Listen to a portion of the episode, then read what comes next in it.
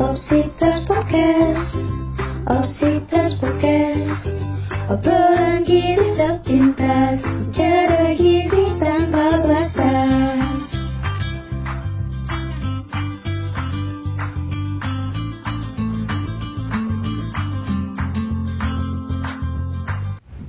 Halo Nutrilicious, kembali lagi di Obsitas Podcast, obrolan gizi sepintas, bicara gizi tanpa batas. Pada podcast kali ini bersama aku Devina dari Gizi 2020 dan dua rekan aku. Halo Nutrilicious, aku Riri Barus dari Gizi 2020. Halo teman-teman, aku William Ben Gunawan dari Gizi 2018. Oke, nah udah penasaran banget kan hari ini kita bakal bahas apa? Jadi topik yang bakal kita bahas hari ini yaitu mengenai kreasi pangan fungsional. Kalau dengar kata pangan fungsional langsung keinget apa sih kak? Hmm, berbicara tentang pangan fungsional ya, aku itu jadi teringat saat pandemi banyak yang klaim pangan fungsional gitu untuk menyembuhkan COVID. Apalagi kan sekarang juga mulai bermunculan pangan-pangan fungsional itu dengan klaim-klaim yang belum terbukti juga seperti itu. Hmm, nah, kalau aku ngomongin pangan fungsional, kayak lagi recall nih masa-masa kuliah offline dulu. Karena kan waktu itu belajar pangan fungsional masih pas kuliah offline, dan dua tahun lalu itu banyak banget webinar yang membahas tentang pangan fungsional. Jadi semakin tergambarkan banget bahwa pangan fungsional itu benar-benar memberikan makna bagi kesehatan. Oke, wah menarik banget ya ternyata. Oke, langsung aja nih kita bahas sebenarnya pangan fungsional itu apa sih, Kak?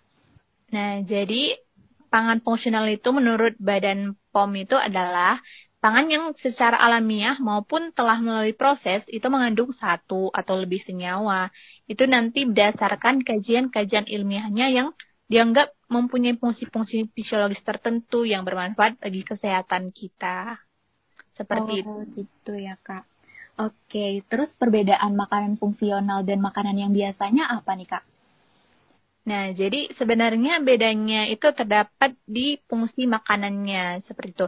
Kalau makanan kita yang biasa kan, eh, kita ketahui hanya memiliki fungsi yang primer seperti itu. Jadi sebenarnya makanan, makanan itu juga memiliki tiga fungsi, yaitu fungsi primer, fungsi sekunder, dan fungsi tersier. Nah, kita bahas sedikit dulu ya dari tiga fungsi itu. Jadi, yang fungsi primer itu, di mana itu makanan bukanlah hanya sekadar untuk kenyang gitu, tetapi lebih ke utamanya mencapai tingkat kesehatan dan kebugaran yang optimal seperti itu. Dan selanjutnya fungsi sekunder itu memiliki penampakan dan cita rasa yang baik. Jadi walaupun tinggi kandungan gizinya tetapi organolektiknya kurang baik itu akan eh, menjadi tidak menarik untuk dikonsumsi. Selanjutnya ada fungsi tersier. Nah, kalau fungsi tersier ini bahan pangannya ini mulai diminati nih, di mana itu komposisinya baik penampakannya, cita rasanya itu sangat menarik sehingga uh, memiliki juga fungsi fisiologis tertentu, misalnya nih untuk menurunkan tekanan darah, menurunkan kadar kolesterol dan banyak lainnya. Jadi ada bedanya tentunya dan ini juga uh, memiliki perbedaan di antara fungsinya. Nah, serta kita ketahui kan kalau dikonsumsi sebagaimana layaknya makanan kan itu mempunyai karakteristik sensori kan, kayak penampakannya, warnanya, tekstur, dan cita rasa itu bisa diterima oleh konsumen atau yang um, mengonsumsinya ya. Jadi selain tidak memberikan kontraindikasi dan tidak memberi efek samping pada jumlah penggunaan yang tertentu itu, uh, termasuk juga ke pangan fungsional. Oke, wah ternyata menarik juga ya Kak Ria.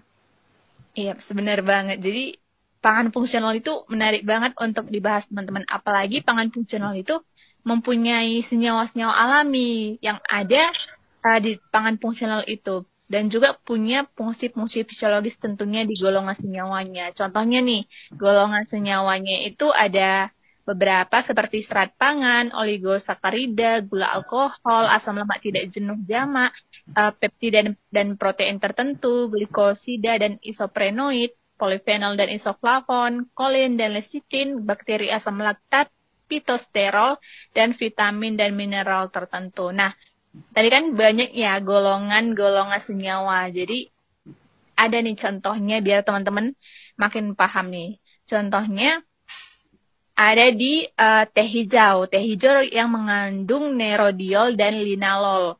Ini berperan untuk mencegah keres gigi dan mencegah kanker. Nah, di teh hijau aja manfaatnya ada untuk mencegah kanker dan keres gigi. Jadi itulah contoh-contoh komponen-komponen yang mungkin ada di uh, bahan pangan fungsional.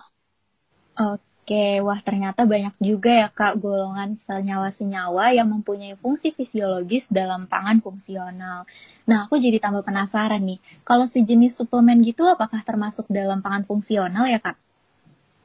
Nah, jadi itu meskipun mengandung senyawa yang bermanfaat ya bagi kesehatan, tapi pangan fungsional itu tidak berbentuk kapsul, tablet, atau bubuk yang berasal dari senyawa alami. Itu berdasarkan Badan POM tahun 2001 ya. Jadi pangan fungsional itu sebenarnya dibedakan dari suplemen makanan dan obat itu berdasarkan penampakan dan pengaruhnya terhadap kesehatan gitu. Kalau obat kan kita tahu untuk uh, penyembuhannya bersifat kuratif, sedangkan pangan fungsional ini lebih ke preventif untuk pencegahan suatu penyakit. Jadi konsepnya itu satu yang ke kuratif, satu yang preventif. Gitu Devina. Oh gitu ya kak, oke. Nah aku jadi makin penasaran lagi nih sama topik ini. Kalau pangan fungsional kan bermanfaat banget ya bagi kesehatan. Nah gimana sih kak cara membuat atau memformulasikan pangan fungsional itu? Nah, berbicara mengenai pangan fungsional dan kreasinya, itu tidak hanya sekedar kreasi resep loh.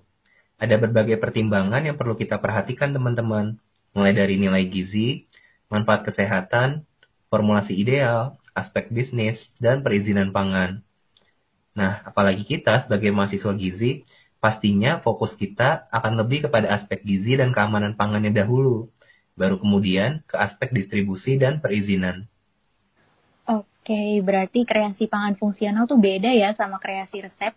Lalu seberapa pentingnya nih Kak aspek nilai gizi terhadap manfaat dari pangan fungsional itu sendiri? Nah, nilai gizi itu pasti aspek yang paling dasar.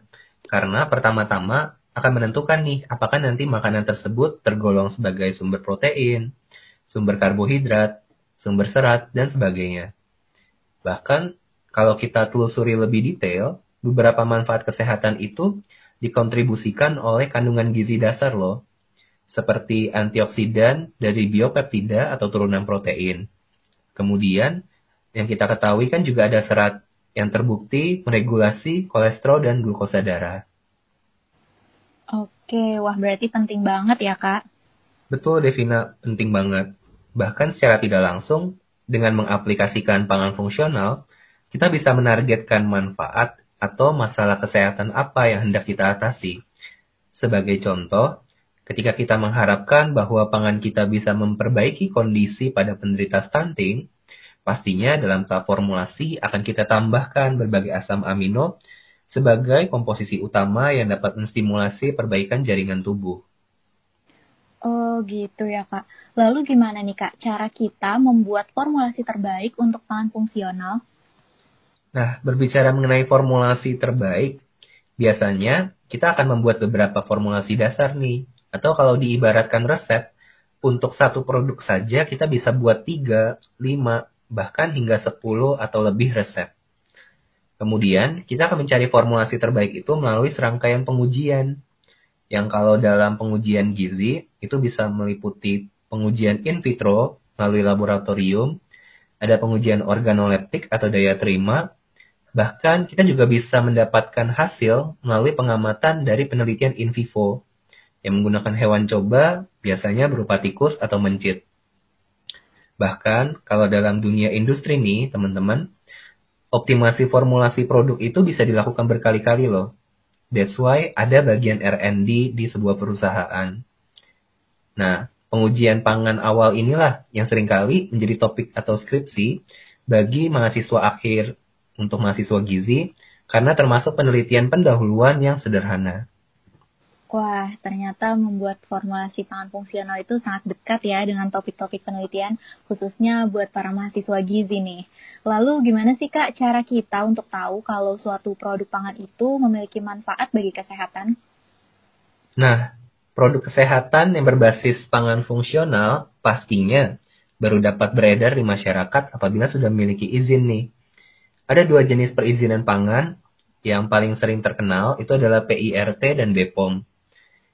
Kalau pangan fungsional, sering kali sudah memiliki izin BPOM karena izin BPOM itu diperlukan dan diwajibkan apabila sebuah produk pangan ingin mengklaim atau menyatakan bahwa mereka memiliki manfaat kesehatan.